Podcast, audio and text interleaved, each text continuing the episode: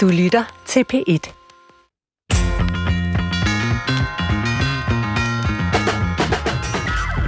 Kina. Jeg besøgte Beijing for et par år siden og fik indblik i et land, der får større og større indflydelse på hele verden. Og med indflydelse følger jo så også en nødvendighed for alle os andre til at forstå landet og folket. Hvad er lykken for en kineser? Hvad er den kinesiske drøm? Og hvad er egentlig kærlighed på kinesisk? Jeg gør mig selv, og forhåbentlig jer lyttere og klogere på en syvende del af verdens befolkning her i dagens program, der lægger selveste Kina på briksen. Velkommen til. Jeg tror, at jeg besøgte Beijing allerførste gang i 2004, hvor jeg var på en videnskabelig konference. Og så var jeg tilbage for et øh, par år siden og havde min familie med og kunne se, hvor meget byen, og i virkeligheden nok hele landet, havde forandret sig. Der var skudt højhuse op overalt, og de støjende knaller, der var afløst af elkøretøjer. Der var også overvågningskameraer overalt, og jeg opdagede, at man ikke rigtig kunne bruge Google eller Facebook på grund af den her Great Firewall of China.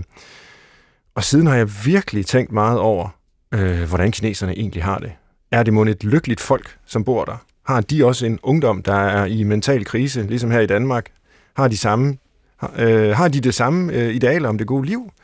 Kina er jo allerede en global supermagt, og øh, vi har brug for at komme ud over vores fordomme om Kina, tror jeg. Og måske endda få inspiration til vores eget liv fra øh, riget i midten derovre. Til retlægger, Christoffer Heide Højer, nu vil jeg bede dig som den berømte mand på gaden, og, øh, om at svare på, hvad du tænker om kinesere. Ja, jamen, øh, jeg vil gerne tage den utaknemmelige opgave, det er på mig, at øh, tømme fordomsrygsækken. Mm-hmm. Så nu, er, nu får du lige det, jeg tænker om kineser helt ned fra maven. Jeg tror, kineser er maskiner, der arbejder mere, end de tænker. Jeg tror, kineser lever et sparsomligt liv, hvor de ikke er nysgerrige på omverdenen. Jeg tror, kineser er frygtelig ligeglade med alle andre lande, og har nok at gøre med at frygte deres egen regering. Ja, det var bare lige ja. Det var godt, du lige uh, kom med en uh, trigger warning der. Ja, det, det tror jeg også. Øhm, ja, det er jo så i radioen nu, men hvad med dig, Svend? Du har trods alt været i Kina, det har ja. jeg ikke, så jeg er virkelig på fordommens øh, rand her.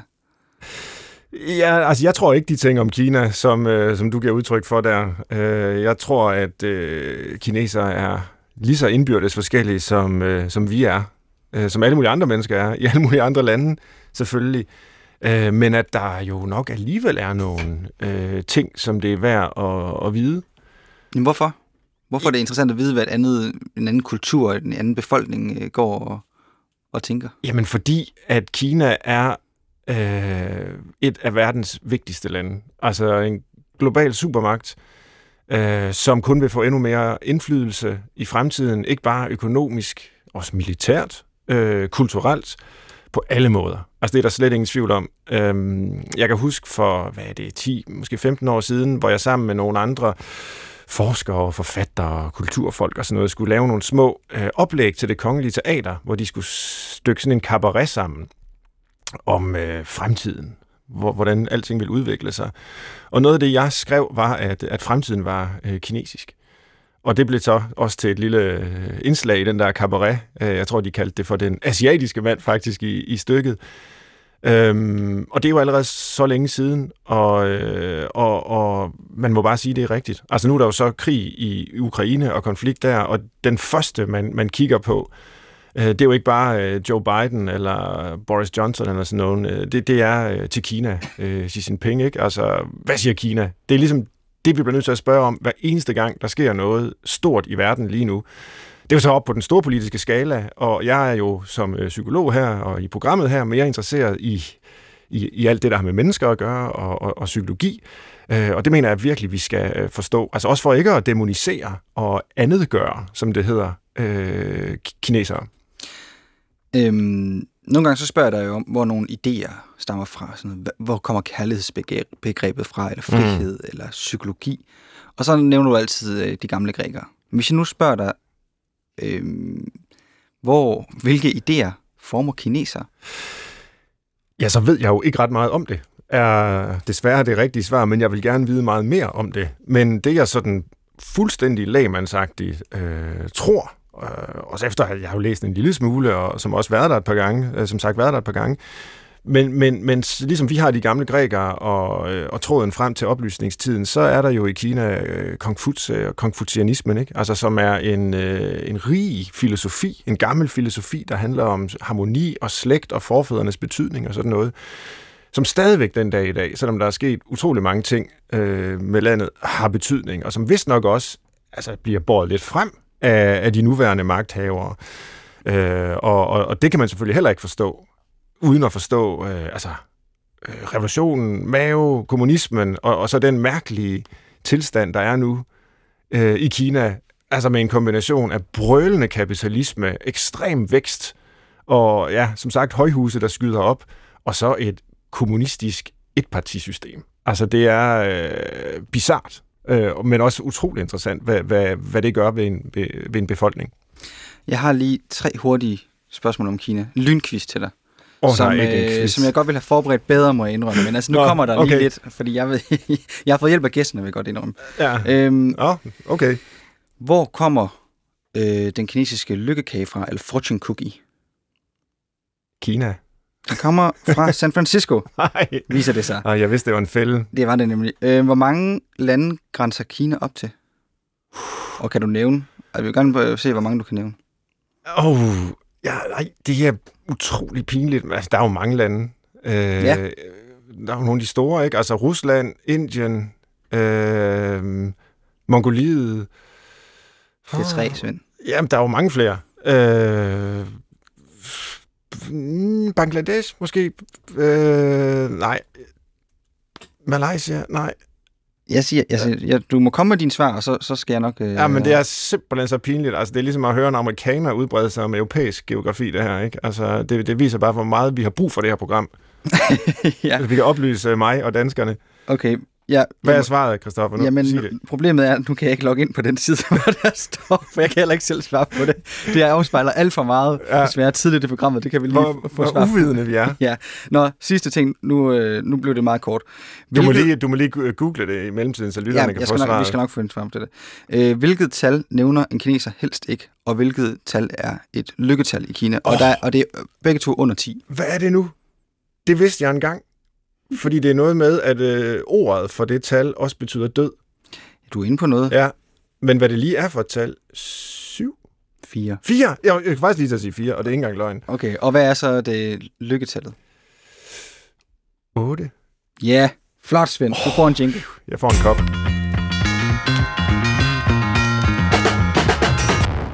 Velkommen til Brinkmanns Brix om Kina. I studiet har vi i dag besøg af Shinshin Ren øh, Gudbjørnsson, som er forfatter og øh, snart aktuel med bogen Risalderen. Og derudover er øh, hun kandidat i kommunikation fra CBS og master i teologi fra Københavns Universitet. Og så har vi med os på en øh, linje fra Litauen, fordi så globaliseret er vi nemlig Mads Vesterager Nielsen, som er Kina-analytiker og medudgiver af nyhedsbrevet Sinolytica. Og så mødte vi hinanden, Mads og jeg, da jeg var i Beijing, som jeg fortalte om for lidt siden, hvor øh, du, Mads, var min ekstremt vidende guide til byen og landet. Og siden så har jeg simpelthen tænkt på, at du en dag skulle have mulighed for at brede al den her viden ud om Kina, både til mig og så til øh, lytterne her i Brinkmanns Brix. Velkommen til jer begge to. Tak. tak. Det er godt at høre uh, jeres stemmer, og det hele går igennem. Men allerførst, lad os lige få placeret jer to i forhold til Kina. Uh, Xinxin, dit navn afslører måske en lille smule uh, med hensyn til relationen til Kina. Ja. Hvad er dit forhold til, til Kina? Hvor kommer du fra? Jeg kommer fra Sichuan-provinsen, I Kina? ja, Ja. og, øh, og navn Xinjiang betyder vækst. Ja? Og det betyder så, at jeg er født i 1978, øh, hvor øh, reformen, øh, reformplanen blev øh, planlagt Aha. Og øh, publiceret. Øh, så min far var så begejstret, at han navngav mig vækst, Så du er simpelthen navngivet efter sådan et politisk uh, program? Ja. Ja, som ingen andre troede på, bortset fra min far. okay. Han øh, jublede øh, i fydegangen, da det blev øh, offentliggjort, og så sagde han, ja, min datter skal hedde Vækst. Ja. Og bare lige for at placere det sted i landet, du kommer fra, hvor er det så cirka? Så, Ja, altså, jeg kommer oprindeligt fra Sichuan-provinsen. Ja. Og der har jeg boet i øh, halvdelen af min tid i Kina, øh, det vil sige seks år. Og øh, den anden halvdel, det er i Tianjin, storbyen. Okay. Øhm, det er fordi min far kommer fra Sichuan, og min mor kommer fra Tianjin, storbyen. Ja. Og Sichuan-provinsen, det er så landsbyen. Som ligger hvor i forhold til Beijing? Eller, Øh, det, det er i, øh, i øh, den sådan øh, midt-syd øh, bjergeområde, hvor folk elsker chili. mm-hmm. Og hvordan har dit liv så været, øh, siden du endte her i, øh, i København i 2022? Ja. Det, jeg ved godt, det, det kunne man sikkert lave mange timers øh, udsendelser Ja, om, men, men Det kan man nemlig, ja. din livshistorie kort. øh, den, den kort version, det er, at jeg er en af de meget, meget få kinesere, som ikke har valgt at komme øh, til udlandet. Mm. Øh, altså som befinder sig i udlandet, men som faktisk ikke selv har valgt at være der. Øh, den korte historie er, at den, de danske myndigheder besluttede, at det er min biologiske mor, øh, som skulle have forældremyndigheden, øh, som jeg ikke kendte særlig godt. Så jeg skulle være her. Øhm, så så jeg, øh, jeg, jeg vidste, at jeg skulle være her i seks år, indtil øh, jeg skulle tilbage igen. Og den, øh, som I så kan se uh, nu, jeg besluttede mig for at blive. mm. Men hvorfor kom I til Danmark? Øh, jamen det er fordi, øh, nå, ja, altså hvorfor hun er i Danmark, Ja, ja. det er en meget, meget længere historie. Okay, Men, men hun søgte øh, forældremyndighed og fik det. Ja. Så det var derfor, jeg kom her. Og der var du 12. 12 år? Ja. Okay. Og hvordan tænker du egentlig om øh, dit sådan nationale tilhørsforhold i dag? Øh, hvis jeg nu spørger dig, er du øh, kinesisk, eller er du dansk, eller er du begge dele? Jeg er begge dele. Mads Vestager, du sidder over i øh, Litauen. Øh, Ja. hvad, hvad er din historie med Kina?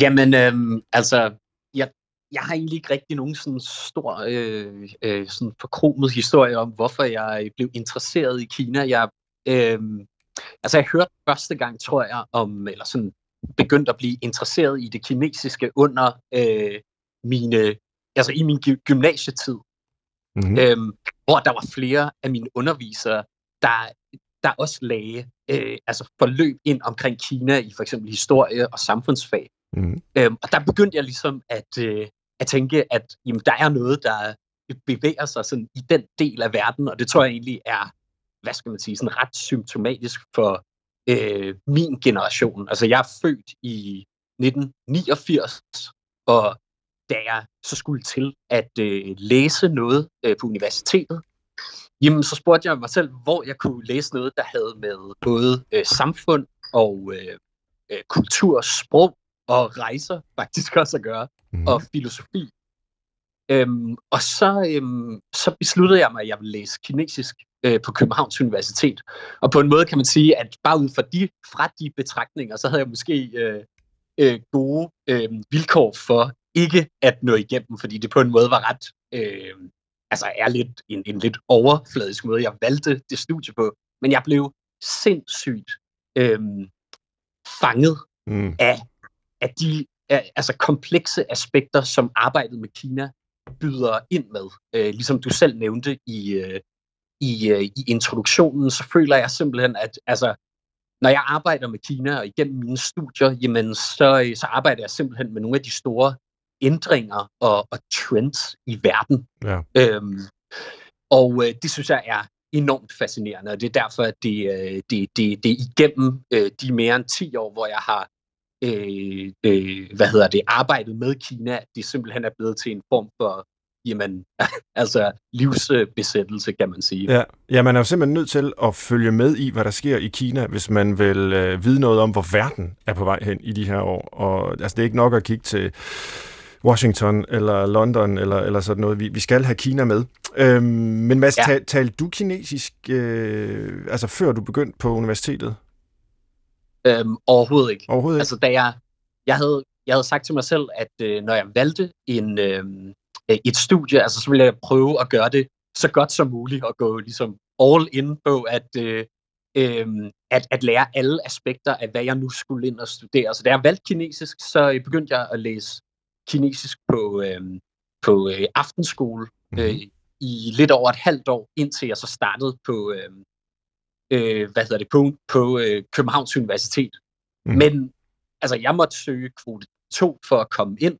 Øh, jeg kom så ind, øhm, og efter de fire år, som den bachelor tog, jamen, der var det øh, omkring halvdelen af alle dem, jeg studerede med, der simpelthen var droppet øh, ud. Øhm, blandt andet fordi det er rigtig svært at lære kinesisk Ja. Øhm, så jeg synes, igennem bare mine bachelorstudier, jamen, øhm, og igennem at bo i, øh, i, Kina, i Kina flere gange øh, under min øh, øh, første studietid der, jamen der fik jeg allerede sådan ret gode øh, sprogkundskaber. Øh, så selvom det er et sindssygt svært sprog, jamen altså, så kan man godt mm. øh, lære nok til at begå sig øh, inden for altså en relativt kort årrække, vil jeg sige, hvis man tager studierne seriøst.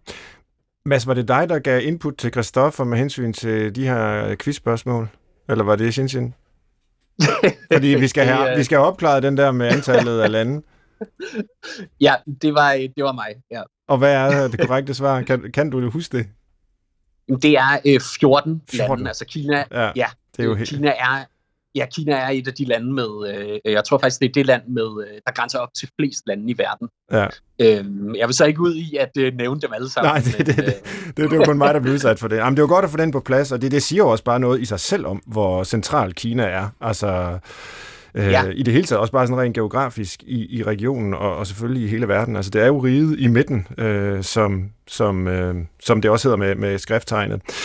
Øh, Sinsin, jeg kunne tænke mig at lige tage en tråd op fra din øh, historie, fordi du, du sluttede af med at sige, at du nu alligevel valgte at blive i Danmark. Det er jo mm. lidt sjovt at høre, hvordan I faktisk, øh, du og Mads, kom til Danmark på samme tid, sådan cirka. Øh, Mads, fordi han blev født, og, og du, fordi du kom fra Kina. Men, men øh, hvorfor har du egentlig valgt at blive her? Ja, det er også lidt af en øh, længere historie. Øh, men, men altså, de første øh, seks år var ret hårde, mm. øh, fordi jeg ligesom ikke valgte at være her. Øh, og jeg har skrevet meget mere om, hvorfor jeg blev her. Men den korte version er, at jeg, jeg, øh, jeg så, at jeg havde en opgave her. Øhm, jeg øh, følte, at der er nok ikke lige så meget brug for mig i Kina. Der er masser af mennesker, der kan tage de opgaver, som jeg kan tage på mig i Kina, men jeg føler ikke, der er så mange, der kan tage den opgave, jeg tager i Danmark. Og hvad er det så for en opgave? Det er blandt andet at skabe forståelse for Kina. Ja. Så du ser dig som en slags Ja, ambassadør, er det, er det et rigtigt ord? Altså, du er jo ikke diplomatisk ambassadør på den måde. En, men, en, men en hyggetante. En hyggetante. hyggetante. Okay, ja. ja. Og noget af det, øh, som mange tænker på, øh, når talen falder på Kina, og jeg var jo selv en lille smule inde på det i introduktionen, det er jo, at det er jo ikke alt i Kina, der er hyggeligt. Mm. Det tænker jeg jo nu på, hvor du siger hyggetante. Mm. At der også er undertrykkelse, der er problemer med menneskerettigheder, mm. og, og man hører historier om lejre og så videre. Hvordan er det at være, øh, ja, for at bruge dit eget ord, hyggetante med hensyn til et land, som bliver set på den måde også? Ja. Øhm, ja, det, det, det har jo ændret sig, fordi tilbage i øh, 91, da jeg kom her, der blev Kina jo slet ikke set. Øh, man tænkte ikke noget om Kina. Altså hverken noget ondt eller noget godt. Nej. Øh, det er faktisk usynligt. Øh, det, som jeg mener, er, at det vi er i gang med nu, det er, at vi kommer, ved, at, ved at komme ind i den her rigsalder, som jeg kalder det. Øh, den her tidsalder, hvor Kina er blevet mere synlig i verden. Og når man begynder at være mere synlig i verden, så er det faktisk helt naturligt, hvis man ser på stormagterne rundt omkring, at i starten så bliver man set på som ondskaben og alt det, der er onde, bliver fremhævet, og, øh, og der bliver også skrevet en hel masse ting om landet, som måske er sande, og måske ikke er det. Men det vigtigste er, øh, at man, når man lærer et land bedre at kende, ligesom Danmark, øh, folk, der bor i Danmark, de kender jo det Danmark, de selv øh, er en del af. Øh, og på samme måde er det også med Kina. Mm-hmm. Hvis man øh, har den her forestilling, at Kina er et ondskabsfuldt sted, og man tager til Kina, så vil det jo selvfølgelig blive bekræftet. Og hvis man har den forestilling, at Kina er et vidunderligt sted, og man tager til Kina, så vil man også blive bekræftet. Det er en god måde at sige det på, synes jeg. Og jeg kunne tænke mig også at rette samme spørgsmål til dig, Mads, er det i hvert fald samme tema, øh, nemlig til, altså angående det her forhold mellem øh, ja, storpolitik og også nogle af de øh, problemer, man hører om fra Kina, og så den enkelte kineser. Altså, du har jo øh, en omgangskreds og har boet mange år i Kina. Hvordan ser du det øh, skæld der? Altså kan vi, kan vi forholde os til, øh, så at sige, den almindelige kineser, uden at have det en mente, at det også er et samfund øh, med, med problemer med menneskerettigheder, og noget, der i nogens øjne i hvert fald har øh, diktatoriske træk? Øhm, altså det synes jeg godt, vi kan, altså, ja. når, når de specifikke spørgsmål er. Øhm, altså om, om vi kan forholde os til øh, altså de, de, øh, de enkelte øh, personer, ja. enkelte personligheder. Men selvfølgelig er øh, kinesers øh, altså, liv jo formet af det øh, system også, som, øh, øh, som, som der er i, øh, i Kina. Som du sagde, en, en etparti øh, stat. Mm. Men øh, altså, mange, jeg synes mange af mine kinesiske venner, jamen, altså, deres liv og sådan, øh, øh, deres sådan, syn på deres egen tilværelse er meget præget af at altså se, hvad skal man sige, de praktiske rammer, altså se det meget praktiske, de, de praktiske rammer, der er i deres øh, øh, øh, liv for deres egen øh, øh, væren, kan man sige. Altså hvis det for eksempel er i et øh, øh, lokalt, i, i deres sådan, øh, øh lokalsamfund, jamen øh, altså de vil, de vil egentlig bare gerne have et godt øh, liv, uden mm. at have for mange, øh, øh, hvad skal man sige, sådan run-ins med øh, lokalregeringen, kan man sige. Så altså, hvis man spørger øh, øh, om det her til øh, altså helt normale kineser, så de fleste, de, øh, de, øh, altså, de vil ikke tage det, øh, tage det op som et, øh, et, øh, altså et, en kæmpe ting, kan man sige. Nej. Så du... du... Hvis, Ja, så du mener, at altså, vi kan sagtens tale også i dag i udsendelsen her om, øh, hvad der sker i Kina og kinesisk kultur og historie og, og, og alt muligt, uden ligesom hele tiden at have den der i baghovedet. Men det er et kommunistisk diktatur, eller hvad vi nu kan finde på at kalde det. Øhm, ja, altså jeg synes, hvis vi kigger på kultur og de her andre aspekter, så kan vi godt, men altså ja. vi skal have det i baghovedet, når det er, at vi interagerer med, øh, øh, med Kina, fordi at den måde, som, som, øh, som Kina agerer på på verdensscenen, som du også nævnte tidligere, jamen det, øh, det kommer jo også ud af øh, det politiske system, som, øh, som der er. Så øh, ja. altså, øh, når vi... Øh, øh, når vi kigger på Kina i verden, så er det svært at skille de to ting ad, kan man sige. I Danmark her, der elsker vi jo at, at høre om os selv. Altså, vi elsker sådan nogle undersøgelser, hvor Danmark ligger et eller andet sted på nogle internationale skalaer. Selvfølgelig helst, hvis vi ligger i toppen med hensyn til lykke og, og velstand og sådan nogle ting. Øh, og nu er det jo ikke Danmark, det skal handle om, men jeg går ud fra, at de fleste af vores lyttere er danske. Så derfor så kunne det være meget sjovt om, med nogle input fra jer, øh, altså sådan hurtig, en hurtig introduktion til forskellen mellem danskere og kinesere, og måske også nogle ligheder, øh, fordi det kan ja. der også sagtens være. Øh, det lyder som om, du, øh, du, du sidder med en liste, Mads. Øh, vil, vil du lægge ud forskel og ligheder mellem danskere og kinesere? Ja, Jamen det kan jeg godt. Altså det, øh, det bliver jo selvfølgelig øh, generaliserende, som, øh, som I også snakkede om dig og, øh, og Christoffer. Men ja. uh, here we go. Yes. Øhm, altså, øhm, jeg vil sige, ligheder, jamen, der, øhm, der kan vi begge, eller der kan både danskere og kinesere godt lide at drikke alkohol, vil jeg sige. Altså, jeg synes, øh, drukkultur er noget, som vi godt kan samle os øh, om. Ja. Yes. Øhm, og så, øhm, så synes jeg, at øhm, altså, humor som en sådan øhm, social samling mellem venner og, og kolleger er også virkelig noget, som øh, jeg synes altså faktisk øh, øh, er sådan samlende, eller kan være sådan samlende kendetegn mellem danskere og kinesere også. Ja. Øhm, så elsker vi jo svinekød i Danmark, og det gør man altså også i, øh, ja. i, øh, i Kina. Øhm, og så nordisk æstetik er virkelig blevet noget, som er sindssygt populært i Kina. Og der kan vi jo sige, det øh, har vi jo så til fælles. øhm, og øhm, så, øhm, så tror jeg også, at, øh, at vi har det til fælles, at vi kan godt egentlig lide vores egen kultur. Og hvis vi kan slippe afsted med det, så vil vi helst også gerne have, at andre de gør lidt ligesom os selv. Det var, det var en fin liste. Kan du genkende til den, uh, Xinxin? Ja, meget af det faktisk. Ja. Mm. Jeg har også tænkt på, nu har jeg engang læst, uh, når, når du skriver i politikken, og jeg har også fået lov at læse et lille uddrag fra din kommende bog der, uh, at, at der er virkelig en humoristisk tone, som altså, jeg er fuldstændig, hvad kan man sige, velkendt med øh, fra, fra danske forfattere, og altså, hvordan jeg i det hele taget godt kan lide, og, altså vidigheder og sådan noget, eller, eller morsomheder.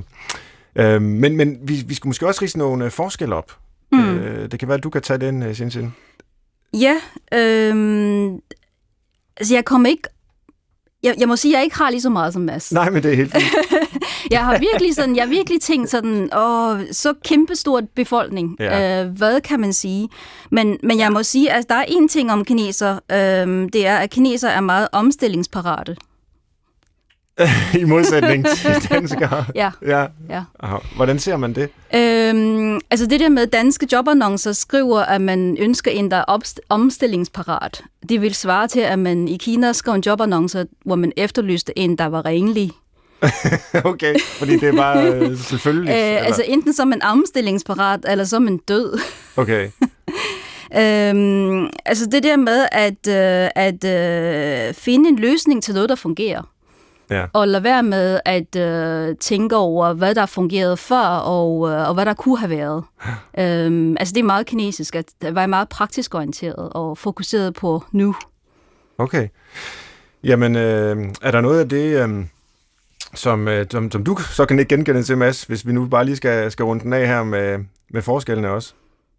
Ja, altså det synes jeg, jeg kan, det kan jeg sagtens ikke uh, genkende uh, til. Altså udover det, så har jeg måske lige to, jeg vil, uh, ja, meget gerne. Øhm, jeg vil tilføje, og det er, altså jeg synes, der er sådan en, en anden grad af familieorientering i Kina, end vi har øh, øh, i, i Danmark.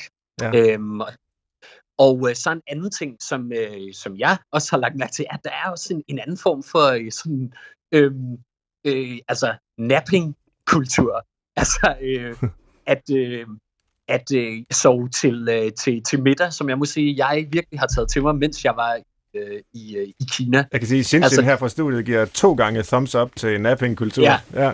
Ja, Øhm, fordi det er, det er ikke unormalt, at, øh, at folk de uh, tager sig en, en, en, en, en slapper lige i uh, 10-20 minutter, inden de arbejder videre. Mm. Og det er jo egentlig altså det er jo ret uh, effektivt, kan man sige, i stedet for hele tiden at skulle drikke uh, kaffe, så at uh, lige tage en, uh, en, en slapper over bordet en gang imellem. Ja. Øhm, så der var lige uh, et, uh, et par ekstra ting hvis vi så bliver en lille smule i sporet med, med Danmark versus Kina, øh, og, og det er Kina, vi skal fokusere på, men bare for at sige, altså hvis nu man skulle karakterisere, hvordan vi i Danmark er blevet, som vi er, jamen så plejer vi jo at sige noget om øh, kristendommens betydning, og ja, måske også helt tilbage til vikingerne og samarbejde, og det handler om andelsbevægelsen, og så fik vi en grundlov, der enevælden blev afskaffet, og så synes vi, vi er meget frisindede og ironiske og, og lykkelige, ikke? Altså, der er ligesom sådan nogle faktorer, der historisk har påvirket os.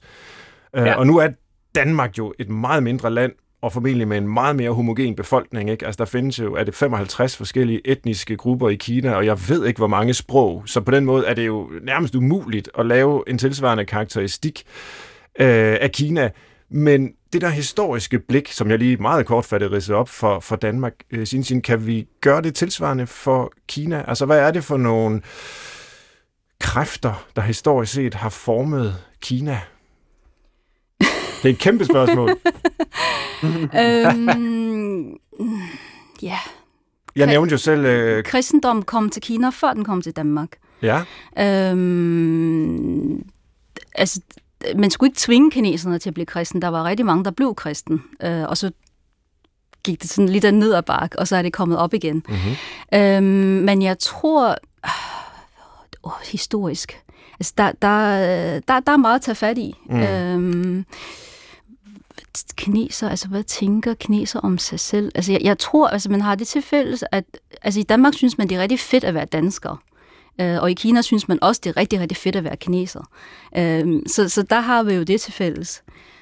Mm, men... Jeg nævnte Konfutse. Mm. Altså, det er vel en form for nationalfilosof, eller ja. er det for meget sagt? Det kan man nej, godt sige. Nej, nej, altså ja. Konfutse, han er, han er den store. Ja. Øhm, fordi han har nogle rigtig uh, interessante tanker omkring menneskelige relationer. Ja. Uh, ikke kun familie, ikke kun familie, ikke kun kærlighedsforhold, men sådan noget som venskab. Altså, han, han har nogle virkelig uh, spændende tanker omkring, uh, hvordan man fungerer i samfundet. Uh, så det er sådan en rigtig god guide uh, til, hvordan det er at, altså, at skulle være et menneske. Ja. Nu med far for virkelig at forsimple noget, nu ved jeg også, du har beskæftiget dig en lille smule med, eller måske endda meget, med Søren Kierkegaard. Øh, der kan man jo godt sige, at han er en dansk nationalfilosof, og det mm. handler meget om altså, at stå ene over for øh, Gud og universet, mm. og, og ligesom træde i karakter som menneske gennem angst og frihed og alt muligt. Ikke? Mm. Men sådan en meget individorienteret filosof. Mm. Og, og, og der kan man måske sige, at, at Konfutse og, og, og altså den kinesiske idehistorie har været mere præget af, hvad vi så vil kalde kollektivistiske øh, filosofier, eller hvad? Ja, altså på teologistudiet har jeg altid sammenlignet Søren Kierkegaard med den kinesiske filosof Lao Tzu. Okay. Øhm, og, som også er en, øh, en gammel kinesisk øh, filosof. Øh, min, øh, min professor synes jeg er åndssvag. men øh, men jeg, jeg vil altså mene, der, de har sådan meget øh, grundlæggende øh, fællestræk med hensyn til eksistentialisme øh, og individets ansvar i samfundet. Mm. Øhm, så den, øh, men, men for at overhovedet kunne tænke kollektivt, der er det meget vigtigt at tænke på individets rolle i samfundet. Og det er det, som Lao Tzu blandt andet øh, lærer os om. Ja, ja. Der har vi jo i, i psykologien sådan en deldisciplin, der hedder tværkulturel psykologi. Og det er sådan noget med nogle amerikanske personlighedstest, nogle psykologer har udviklet, og så giver man dem til folk øh, forskellige steder i verden. Ikke? Og så finder man jo, at danskerne scorer højt på individualisme, og kineserne scorer højt på kollektivisme. Men om vi egentlig er blevet meget klogere af det, ved jeg ikke, fordi det er jo test, nogle amerikanske forskere har udviklet, og, og, og jeg for eksempel Laut, der er jo øh, et eksempel, som du siger, på, på en, der ikke kan forstås øh, i den der kollektivistiske ramme måske. Øh, men, men Mads fra Litauen, øh, hvordan, øh, hvordan ser du på de her øh, kræfter? Altså, hvordan er kineserne i dine øjne blevet, som de er i dag? Og måske også, øh, nu har vi talt om, om øh, Kung Fu, de gamle øh, ting her, men måske også i, i forhold til den nyere historie. Ja, altså, jeg synes øh, traditionelt så til det her spørgsmål, altså der er jeg helt enig med, med, øh, med Shinshin, at det er tænkere som, øh, som Lao Tzu og, øh, og værker som Dao De Jing, altså hovedværket inden for taoismen, mm. og også andre hovedværker i den øh, konfucianske øh, tradition, som øh, analekterne øh, fra Kon- Konfucius, altså øh, samtalerne med Konfucius, og også værker som I Ching, den her forvandlingernes bog, ja. som ofte bliver fremhævet som, hvad skal man sige, vigtige værker i at øh, altså forstå, hvordan kinesisk tankegang er blevet formet. Men altså, der er jo heller ikke nogen tvivl om, at Mao-tiden, at det virkelig påvirkede generationer af kinesere, og senere hen også, øh, øh, da, da Kina åbnede op under de øh, øh, hvad hedder det, økonomiske reformer, som øh, Xinjiang øh, snakkede om, mm. jamen, at man begyndte igen at, øh, at tage øh, hvad hedder det, tanker uden for Kina ind igen. Og det har altså formet ligesom øh, altså formet kinesisk tankegang øh, op til i dag. Øh, så altså, det, er lidt, det, det er sådan den dynamik, øh, der, der har været inden for de, øh, de sidste årtier.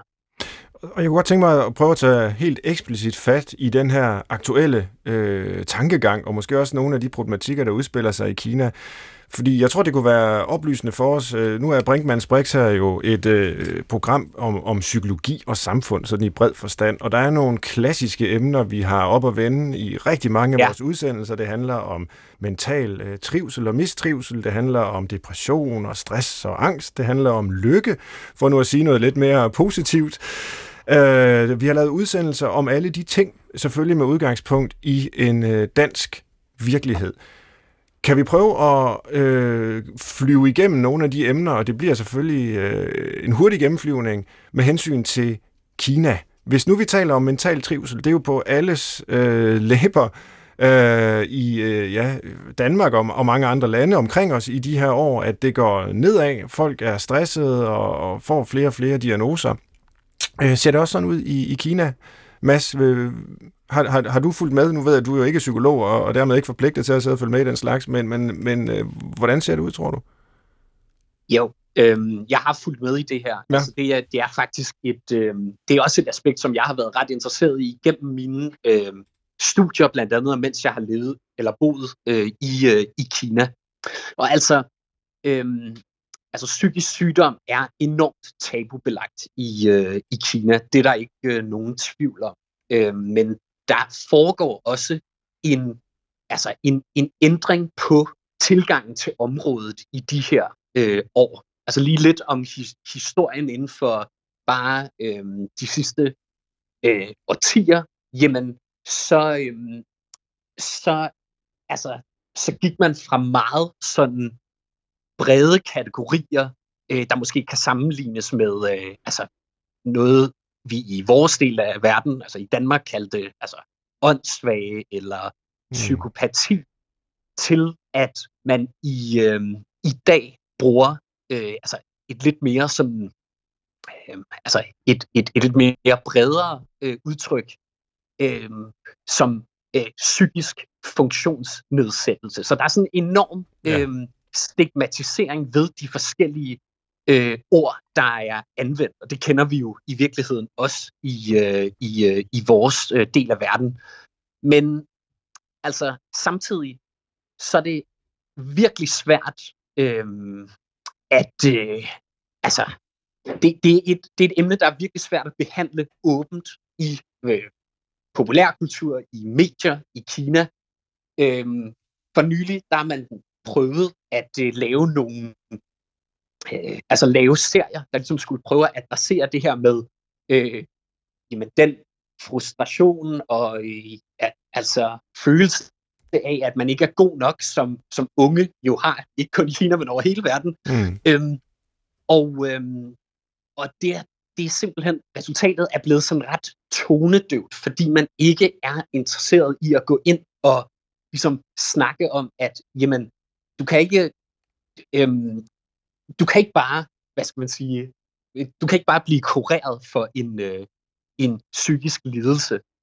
Og øhm, i de her serier, der er det ofte sådan, at, øh, at man siger, jamen, altså, hvis du gerne selv vil det, så kan du komme ud af den her lidelse, hvilket er sådan ret øh, altså, paternalistisk øh, tilgang, vil jeg sige, eller sådan ret simplificeret øh, øh, tilgang til øh, psykisk sygdom. Det er jo så også populære serier, må man øh, sige, at, øh, at øh, der fremstiller den her øh, øh, vej. Tror du, det hænger sammen med altså, den situation, du riser op her, at, øh, og, det, og det er jo bare øh, min øh, sådan umiddelbare fortolkning, som kan være helt forkert, men altså, hvis man har et, et, et system, der er meget topstyret, altså med, med et parti, og, og der ligesom øh, udgår magt derfra, så kan man sige, hvis der så er nogle problemer i det samfund, så falder det jo så også tilbage på den magt hver eneste gang, og så kan det jo hurtigt blive tabuiseret, hvis der er psykisk lidelse og, og stress og mistrivsel og sådan noget, øh, fordi man så ved, øh, ligesom, hvis skyld det er, ikke? Øh, og så kan man sige, så er det tabu, og så er det noget, folk måske selv skal, skal gå og rode med. Øh, tror du, der er noget om, om den øh, fortolkning, Mads? Altså, at, øh, at så har magten, eller regeringen, eller øh, apparatet der, en interesse i at, øh, ja, faktisk jo egentlig at tabuisere det, og sige, det er ikke noget, vi har i særlig høj grad her hos os. Mm, altså, det kan godt være, at der er et aspekt af det, men altså, jeg, jeg synes egentlig, jeg har oplevet, at øhm, når jeg snakker med øh, kinesiske venner på ene hånd, jamen, så kan de godt fortælle om, at de har øh, været deprimeret i dele af deres liv. Okay. Øhm, men at det er ikke noget, de har lyst til at øh, dele med deres familie, eller sådan sige ud åbent. Og der, altså, men der er selvfølgelig heller ikke nogen tvivl om, at der er nøgletal omkring psykisk sygdom eller selvmordstal, øh, øh, eksempelvis, der er enormt politiske, Mm. øhm, og som altså, peger tilbage på, øh, eller lidt mere peger tilbage på det, du, øh, du, du sagde lige før, at man fra systemets side vil være, øhm, altså, ikke er interesseret i, at man kommer, eller der er nogen, der kommer og siger, jamen altså, øh, det her tal, det hænger sammen med øh, den styreform, der er Ja. øh, i landet. Så øhm, altså, ja, det, det, det er sådan lidt, øh, Ja. det, det er sådan lidt sådan, jeg ser på det. Og Xinjiang, det var så, øh, kan man sige, nogle negative aspekter, altså øh, depression og mistrivsel og sådan noget, men hvis man tager den anden side af menneskelivet og taler om, om det lykkelige liv, hvad er så øh, kinesers opfattelse af det, hvis der overhovedet er en, som ligesom er øh, altså, tilstrækkeligt generelt til, at vi kan tale om den her, men vi taler jo for eksempel om den amerikanske drøm, ikke? og så ved man, hvad det er. Det er noget med, at enhver kan blive hvad som helst, hvis man bare arbejder hårdt nok. Mm. Jeg kan huske for nogle år siden lancerede øh, Lars Løkke, da han var statsminister i Danmark, noget han kaldte den danske drøm, hvor vi ligesom skulle have en tilsvarende øh, forestilling her. Hvad var det? Øh, det kan jeg faktisk ikke huske, men jeg tror, jeg, jeg tror det mindede om, øh, om amerikanernes. Øh, hvad, hvad kunne, øh, altså, kunne man tale om en kinesisk drøm? Uh, altså, det, det tænkte jeg faktisk meget over. Altså, der er det der... Øh, I Sverige, jeg talte med meget om det der Villa, Vose og Volvo. Ja. Og det er i hvert fald ikke det. Okay. Øh, det er sådan meget materielt, ikke? Øh, øh, Vose, altså, øh, ja, Villa, Vose og Volvo, altså, det, det lyder i hvert fald ikke godt, øh, det tre ting. Øh, jeg, jeg ved ikke rigtigt, altså, jeg tror også, altså, jeg har skrevet en artikel øh, i Berling engang omkring øh, kineser og lykke. Mm-hmm. Øh, I Danmark, der er det nærmest flot at indrømme, man ikke er lykkelig. Men i Kina er det faktisk ret flot at skulle indrømme, man er lykkelig. Nå.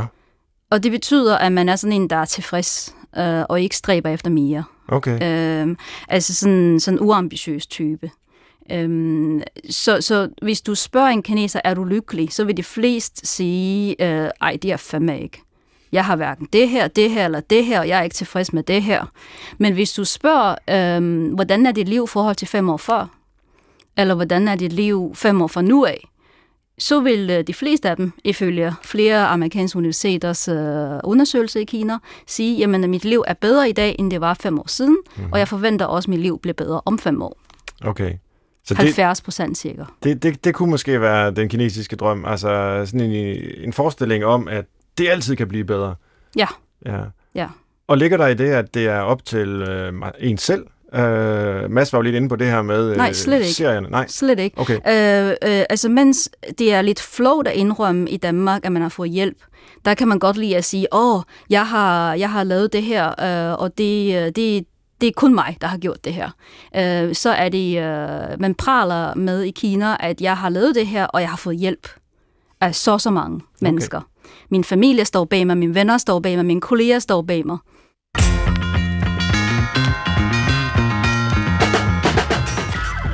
Du lytter til Brinkmanns Brix på P1, hvor jeg forsøger at forstå Kinas befolkning i dag. Det er jo lidt af en opgave, bare på en time, med så stort et emne, men øh, heldigvis så hjælper forfatter Xin Ren Gudbjørnsson mig og Kina-analytiker Mads Vesterager Nielsen. Og derudover så har vi jo den før øh, selvudnævnte fordomsmaskine til retlægger Christoffer Heide Højer med. Christoffer, hvad har du fået af Kina-spørgsmål, efter at have hørt om Kina indtil videre. Ja, virkelig mange. Vi burde, ja. sende, øh, vi burde mødes igen om, øh, om ikke så længe at lave et program mere. Men først og fremmest skulle jeg godt tænke mig at høre øh, til det her øh, det sociale pointsystem, som er, var noget, der virkelig tog overskrift i Danmark. Så nu har de fundet på i Kina, at men øh, hvis man opfører sig ordentligt, og hvis man får gode karakterer, så får man også en forlomme videre i livet, og det, øh, man kan præstere sig til top, så øh, men det er ikke op til, hvem du bare er, det er op til, hvordan du gør. Øh, hvor meget kød er der på det ben, synes jeg? Er det, øh, holder, det, holder det vand? Er det overhovedet noget, der findes? Øh, altså, det, det er et meget stort spørgsmål. Ja. Uh, tager lidt tid at gennemgå. Uh, mange af de links, uh, som vestlige medier har linket til, har vist sig at være dokumenter, der sagde noget helt andet. Okay. At det faktisk var et finansielt værktøj. Uh, jeg har arbejdet i en bank. Der har vi også nogle scoringssystem, uh, kredit rating system, uh, mm. så din handling påvirker uh, din credit. Det vil sige, hvis du er registreret sådan en type, der låner en paraply og aldrig afleverer den tilbage. Næste gang du låner en paraply, så skulle du øh, af med en større depositum osv. osv. Mm. Men de er faktisk i gang med flere steder at implementere det her pointsystem øh, i nogle flere ting. Øhm, og, men de, de fungerer ikke på den måde, som mange medier har fremstillet det. Men, de, men det er et meget, meget stort spørgsmål. Okay, hvorfor? Som har både, altså de har nogle positive sider, og så har de nogle negative sider, men, men, de, men de blev fremstillet på en helt anden måde, fordi de har brugt uh, Google Translate til at kigge på dokumenterne. Mm. Men, og hvad er det så, der er det, det positive og det negative ved det? De positive, altså sådan, sådan, uh, hvis jeg nu skulle tænke på det, et personligt eksempel, som er positivt, det er for eksempel, hvis en arbejdsgiver ikke har betalt uh, løn til sine medarbejdere. Mm så øh, når han skylder sin medarbejder løn, så kan han ikke flyve nogen steder. Okay, den straffer? Det, den straffer ham, fordi hvis du er så fattig, at du ikke kan udbetale løn til din øh, arbejdsgiver eller til din øh, medarbejder, jamen så kan du ikke flyve nogen steder, og så kan du ikke tage hurtigt tog nogen steder. Mm. Så er du nødt til at tage langsomt tog. Okay.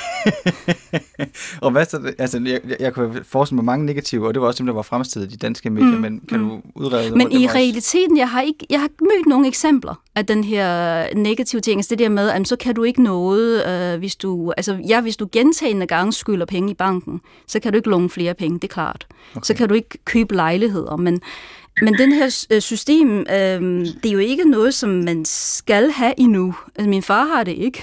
Okay. Jeg har ikke brugt den selv. Hvad siger du, Mads, til det her sociale pointsystem? det er jo sådan lidt et øh, sådan politisk øh, nudging-værktøj, kan man sige, eller sådan samfunds-nudging, som så det er man lidt mere sådan, øh, altså komfortabel med at bruge i Kina, end vi er i, øh, i Europa. Og øh, altså, jeg er helt enig med Xinjiang, at øh, altså, den måde, det er blevet fremstillet i vores del af verden, er helt anderledes, end det faktisk øh, øh gør sig gældende på, øh, på jorden i Kina. Altså okay. den idé om sådan et bredere pointsystem, det blev, øh, det blev faktisk opgivet af øh, den kinesiske regering allerede i, øh, i 2019. Men alligevel findes der stadigvæk nogle forskellige øh, øh, altså programmer og apps, der har pointsystemer. Blandt andet øh, den kinesiske betalingsplatform Zhifubao, der er en slags kinesisk øh, øh, mobile pay. Ikke også? Og okay. jeg har simpelthen en score på Zhifubao. Og det vil jeg simpelthen øh, fortælle jer, hvad den er her, øh, eksklusivt i Brinkmanns Brix, øhm, for at, øh, øhm, for at, at, øh, at få lidt sådan konkret ting at forholde sig til. Øhm, fordi når man går ind på den her platform, altså, så kan man simpelthen se, øh, hvad en score er fra 0 til 950, og der ligger jeg på 621. Og er det godt eller dårligt? Er, Øverste tredjedel. Jamen, øh, der står, øh, der står inde øh, på platformen, at det er øh, godt. Altså, øh, så ikke en, en sådan super god øh, øh, hvad det, score, men sådan rimelig god. Og jeg, jeg, og, jeg, altså, jeg, du bliver så forklare, Mads, hvad betyder det så? Hvis det er, at man ikke øh, betaler, altså man er en dårlig betaler, eller øh, man bonger ud på nogle andre parametre, jamen, så kan det være, at man bliver, øh, altså man bliver begrænset, når man skal ind og købe, eller altså købe øh, togbilletter eksempelvis, eller skal låne penge fremadrettet. Så det er derfor, det er en god idé ligesom at, øh, at have en øh, god score der lige på, øh, på det område. Men altså, jeg vil sige, når jeg har snakket med mine kinesiske venner omkring det her system, jamen, altså, så er det ikke noget, som alle de går rundt og, øh, og tænker over hele tiden, eller ligger øh, søvnløs over. Mm. Øhm, så man kan måske sige for at, at bruge et andet ord om det, at de er sådan lidt mere en del af en større trend om sådan gamification, altså spilgørelse af forskellige øh, øh, jamen, øh, aspekter af vores liv. Altså det ser vi faktisk også rigtig meget på kinesiske øh, handelsplatforme, og det begynder vi også at se mere og mere i, øh, i Vesten. Så altså, selve pointsystemet er jo en form for altså har været en form for eksperiment. Og i nogle dele af samfundet, jamen, der er det vist sig, der kan det ikke rigtig bruges. Men lige på det her område med betaling, der har det vist sig, at det er sådan et, øh, et, et okay værktøj. Ja, øhm, lige inden jeg giver dig ordet igen, Svend, så vil jeg lige spørge dig, Shinshin, om en ting. For da vi talte inden, eller inden for en par uger siden, der fortalte du, at en kineser kunne aldrig finde på at løbe et maraton. Nå, no, øh, aldrig, spørge, aldrig er stort ord. Ja, men det, ja. Altså sådan, og, og vi laver jo ikke andet i Danmark, og, og Svend cykler også helt vildt. Hvorfor, hvorfor bliver noget sådan motionsagtigt, eller sådan maraton overpræsterer? Hvorfor er det ikke en fed ting? Altså, jeg tror, det er sådan meget dansk, at man gerne vil vise over for sig selv, at man kan noget øh, specielt, og man er perfekt, og man er fysisk øh, fit, og alt det der. Altså, jeg tror ikke, vi går så meget op i det. Øhm, det der med at fortælle os selv, at vi er stærke, og ja, det, og det lyder som meget stort arbejde. Jeg vil egentlig bare Netflixe. Ja, på den måde er jeg mere kineser. ja, det, det, det er jeg ikke i tvivl om.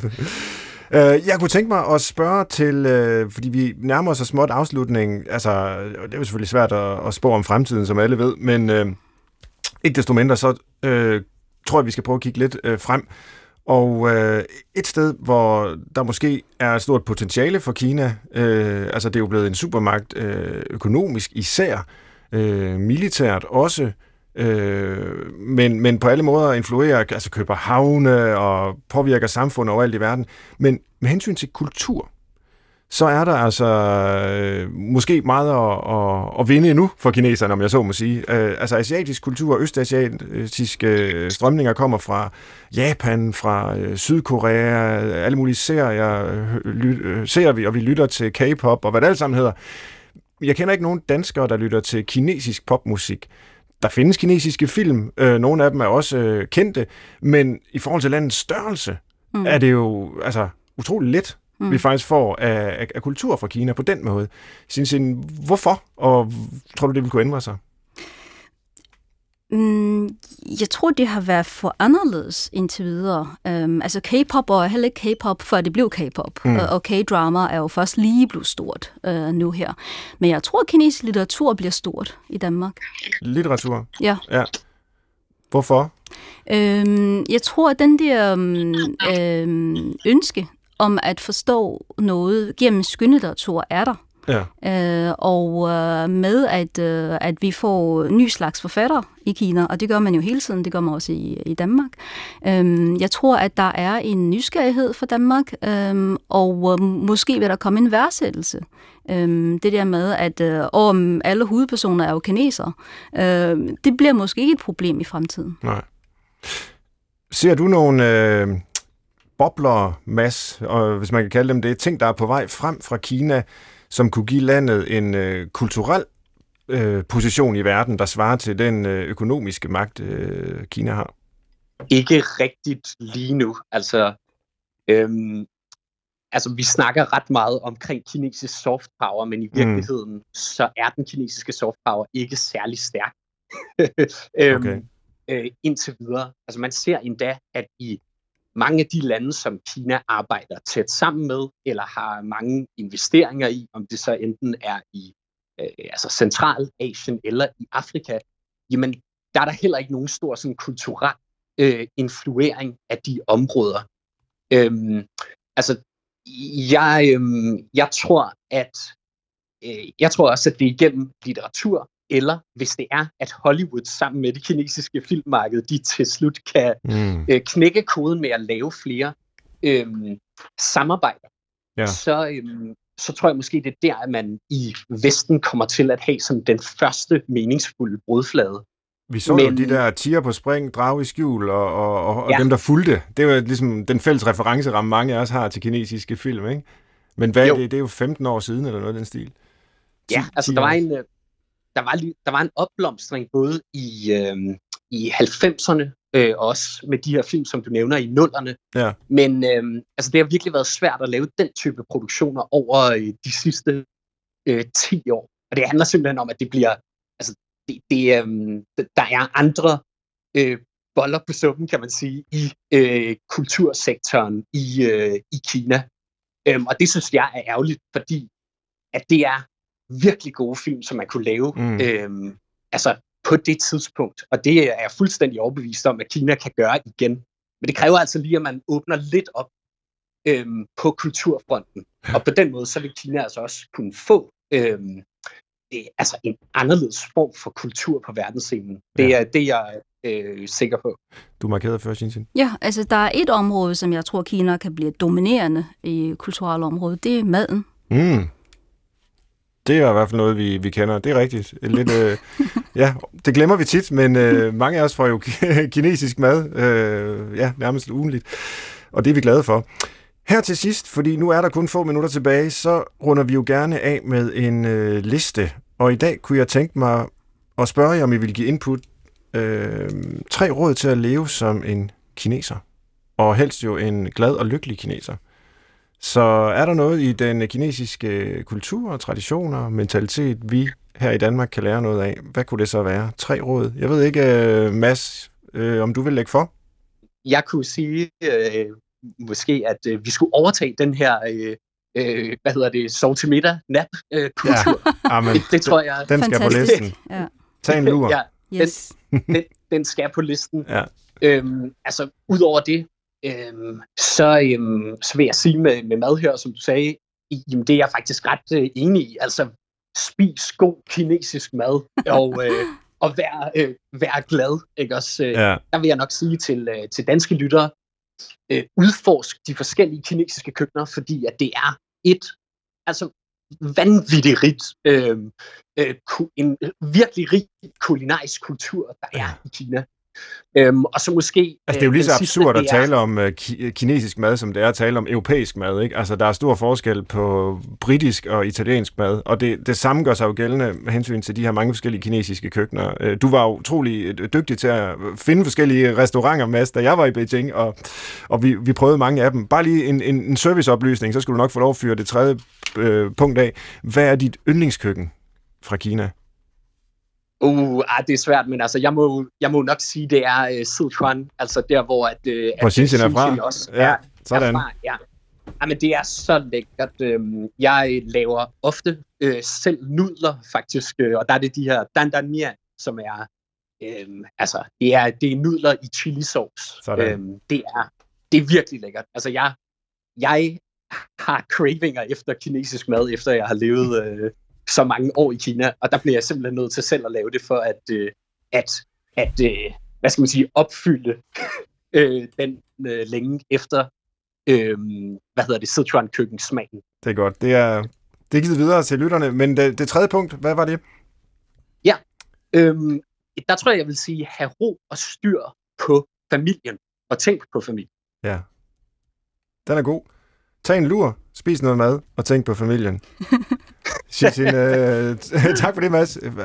Kan du øh, acceptere listen, eller har du øh, korre- korrektioner til den, Shin? Absolut, absolut. Ja. Altså, jeg har alt for mange. Okay, jamen lad os få et par stykker for mange, mere. men altså...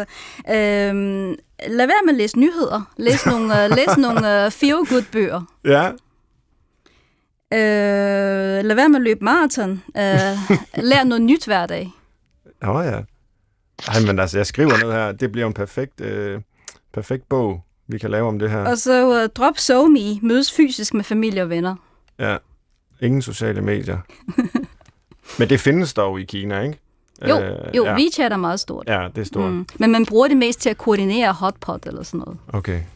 Og således fik vi uh, slået en krølle på dagens uh, udsendelse med, med hensyn til uh, hotpot og kinesisk mad. Du har lyttet til Brinkmanns Brix på P1 i dag med Shitin Ren Gudbjørnsson, som er forfatter og snart aktuelt med bogen Rigsalderen, hvor du stiller skarp på det moderne Kina.